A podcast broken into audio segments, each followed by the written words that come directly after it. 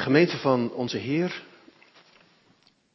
In 2006 maakte de Amerikaanse democratische politicus Al Gore een indringende documentaire. Misschien hebt u hem destijds gezien of later. De film heette An Inconvenient Truth. Een ongemakkelijke waarheid. En in die documentaire zit een stukje film wat gemaakt is vanaf de maan. Waar astronauten laten zien hoe je als je op de maan staat de aarde waarneemt. En dat is een heel klein stipje. Dit is uitvergroot van dichterbij, wat u hier op het scherm ziet.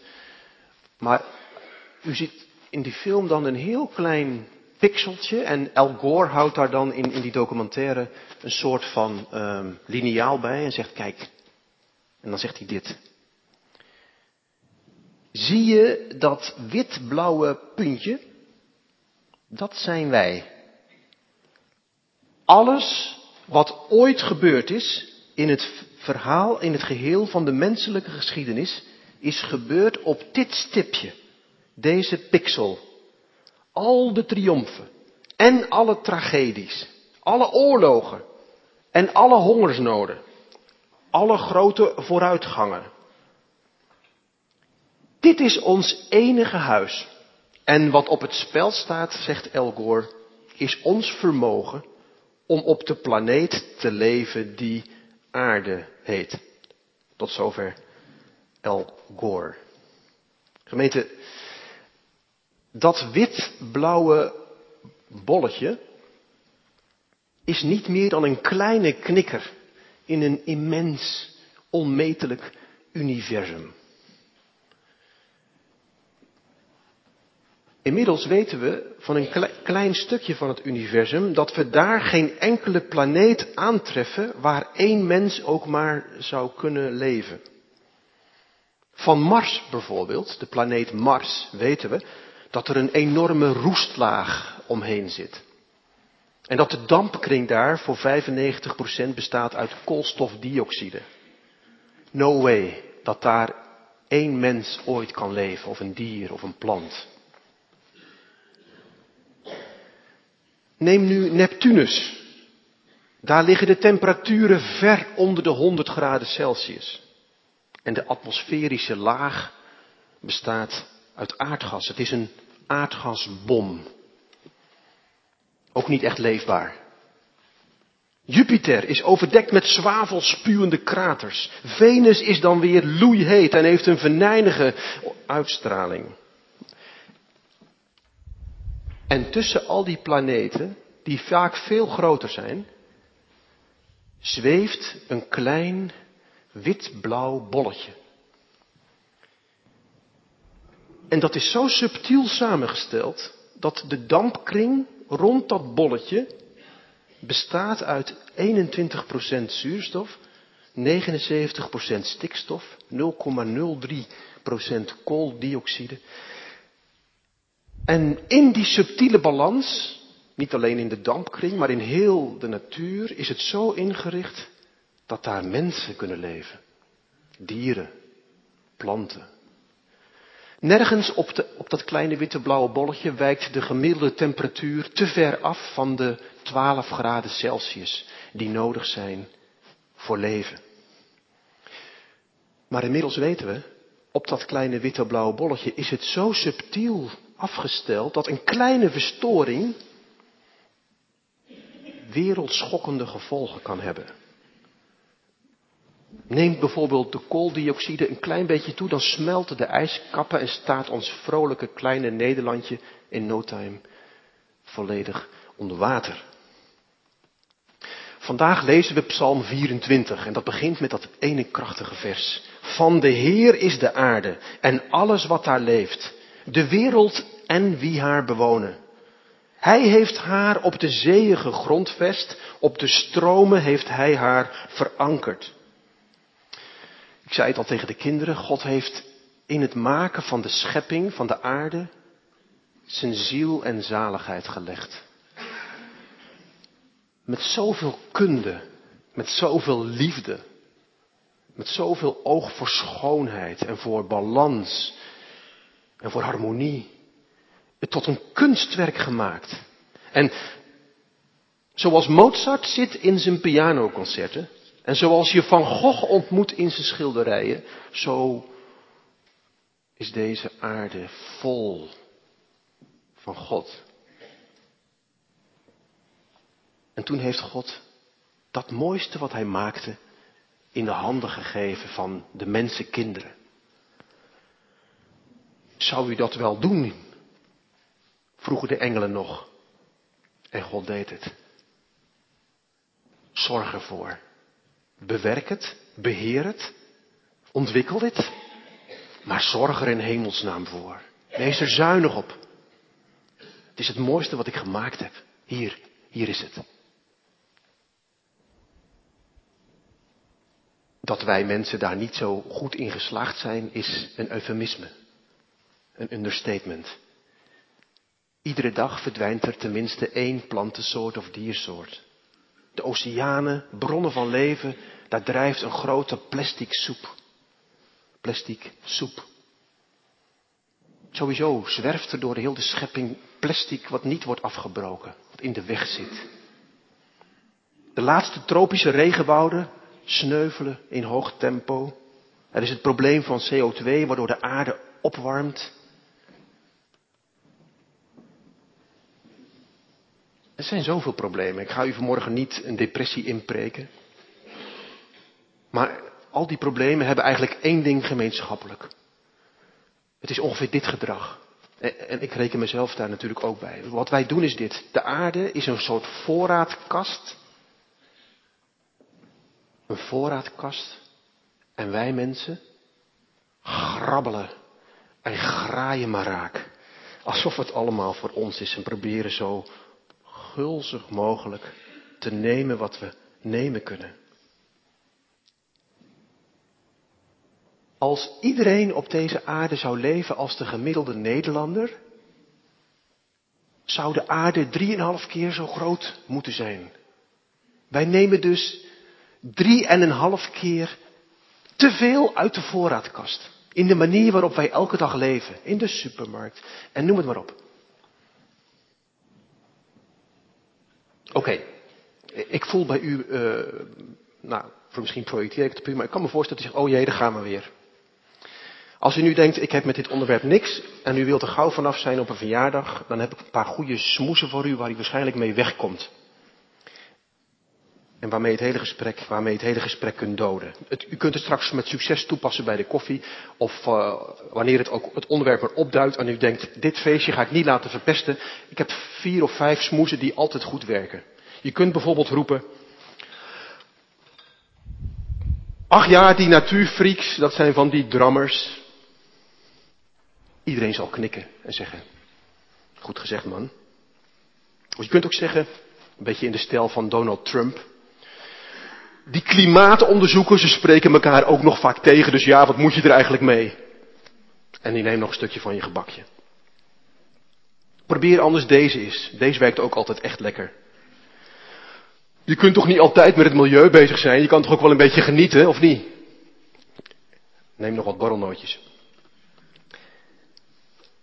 Wat ook aan fijne is, is deze. Ja, mijn kleine bijdrage gaat ook niet echt helpen. Gaat geen zoden aan de dijk zetten. En iedereen is met je eens. Je komt ermee weg. Je maakt vrienden. Maar je doet ook een beetje denken aan die mensen op de Titanic. Op het bovendek. Terwijl het schip de ijsberg fors raakt en het water binnenstroomt, dansen de mensen op het bovendek hun vrolijke wals. Proberen velen nog even de zoveel mogelijk mee te pikken van het buffet. En als ik me niet vergis, speelt het orkest vrolijk door met geestelijke liederen. Blijft de prediker preken. Terwijl op het onderdek de armsten de gevolgen pijnlijk merken en verdrinken als ratten.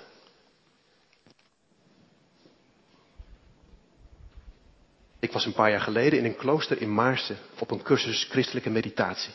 Ik heb ontzettend veel geleerd en een van de mooiste oefeningen was deze. Het was ook een beetje wennen, moet ik zeggen. Maar het ging zo. De oefening was, maak eens een meditatieve wandeling. En de opdracht was heel specifiek.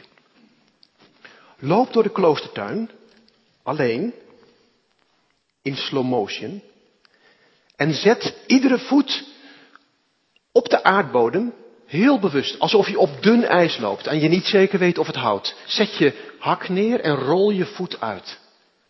En wacht of de aarde je draagt. En als het zo is, laat hem rusten. En zet dan pas je volgende stap.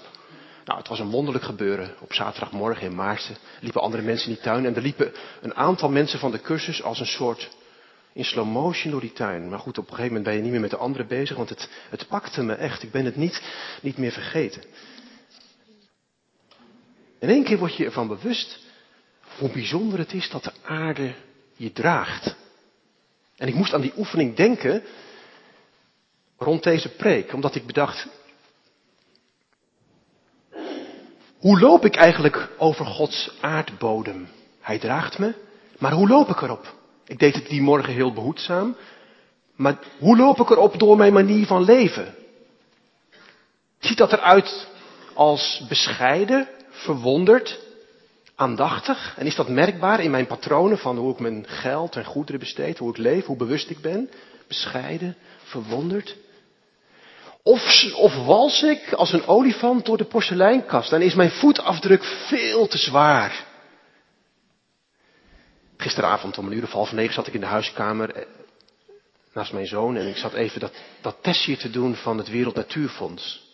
U zou het vandaag in vijf minuten kunnen invullen www.voetafdruk.wnf. Vijf minuten, misschien twaalf vragen. En dan komt de uitslag. Nou, de gemiddelde Nederlander leest dan op het scherm. Als iedereen zo zou leven zoals jij, zouden we 3,5 aardbollen nodig hebben.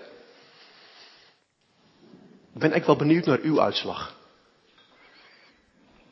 De mijne viel nog niet mee zal hem maar gewoon verklappen. 2,4. Oké, ik, ik, heb een paar smoezen. Ik woon in een, in een akelig grote pastorie.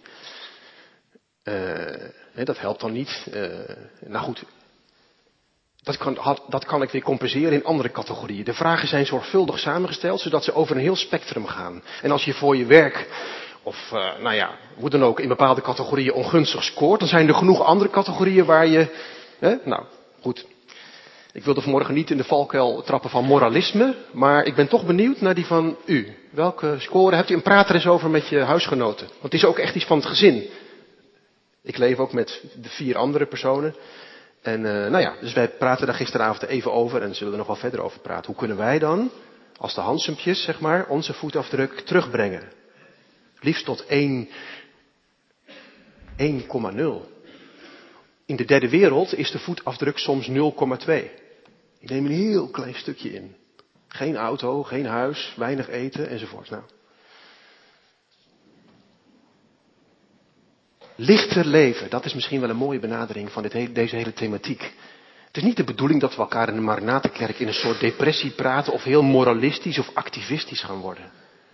We willen graag die drieslag bij elkaar houden. Hart voor God, hart voor elkaar en als onderdeel daarvan hart voor zijn werk, zijn schepping. Wil je van God houden? Hou dan van zijn werk.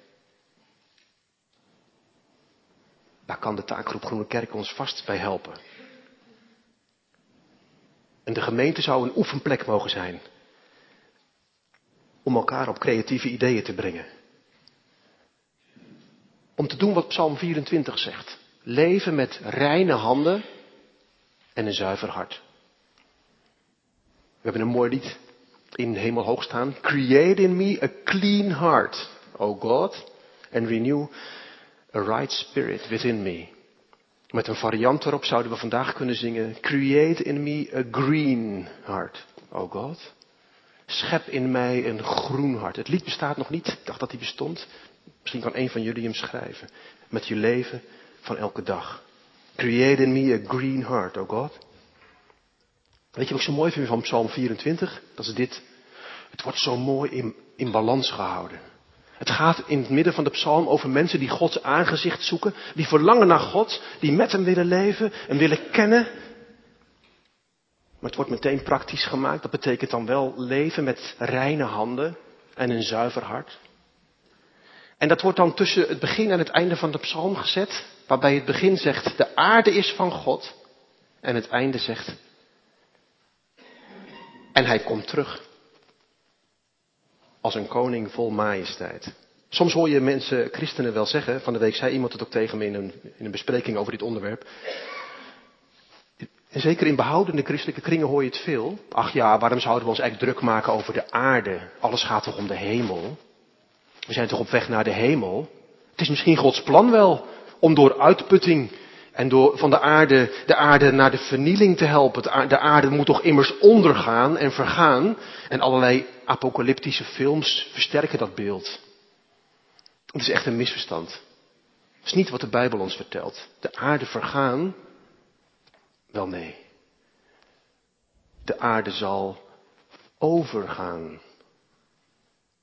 God zal alles nieuw maken. En daar staat in het Grieks niet het woordje neon van splinternieuw, iets volledig nieuws, maar er staat het woordje kainos.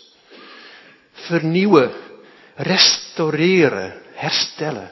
God gaat van deze werkelijkheid waarin wij nu leven, waarvoor wij mogen zorgen, gaat Hij iets nieuws maken door het vuur heen. En wat waardevol is en duurzaam, mag mee bij Gods nieuwe werkelijkheid. In Utrecht, in de stad Utrecht, staat één beeldje wat de Utrechtse beeldenstorm heeft overleefd. Het staat in het paushuis ingemetseld. En het, heeft, het is een prachtig beeldje van Christus die houdt in zijn hand een aardbol. En het beeldje heet Christus Salvator Mundi. Vroeger, de keizers lieten zich ongeveer zo noemen, maar die lieten zich net iets anders noemen. Die heten Conservator Mundi. Zij zagen zich als degene die de bestaande orde zouden omhoog houden. Maar Christus is niet gekomen om de bestaande orde omhoog te houden, maar om de wereld te redden. Salvator Mundi.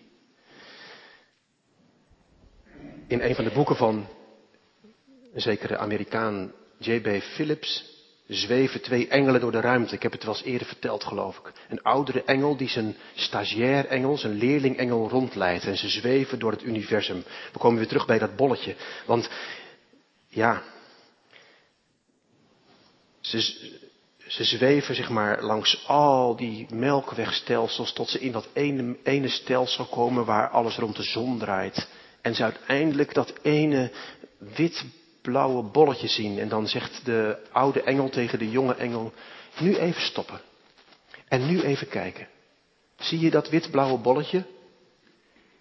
Nou, zegt die uh, jonge engel, hij heeft net prachtige dingen gezien. Dat is niks bijzonders. Een kleine, vuile tennisbal.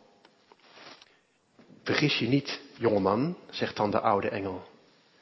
Dit is de bezochte planeet hier is de Allerhoogste zelf afgedaald om een van die rondkruipende schepsels te worden en ze op te heffen tot ze zouden worden als Hij zelf. Die jonge engel is verbijsterd en hij blijft nog een hele poos naar dat kleine witblauwe bolletje turen. Ongelooflijk.